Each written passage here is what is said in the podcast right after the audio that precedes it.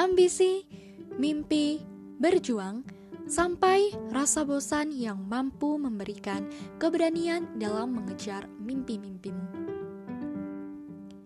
Ini adalah podcast pertama aku, dan di podcast inilah aku ingin menyapa dan berterima kasih kepada kamu semua atas dukungan dan doa-doanya.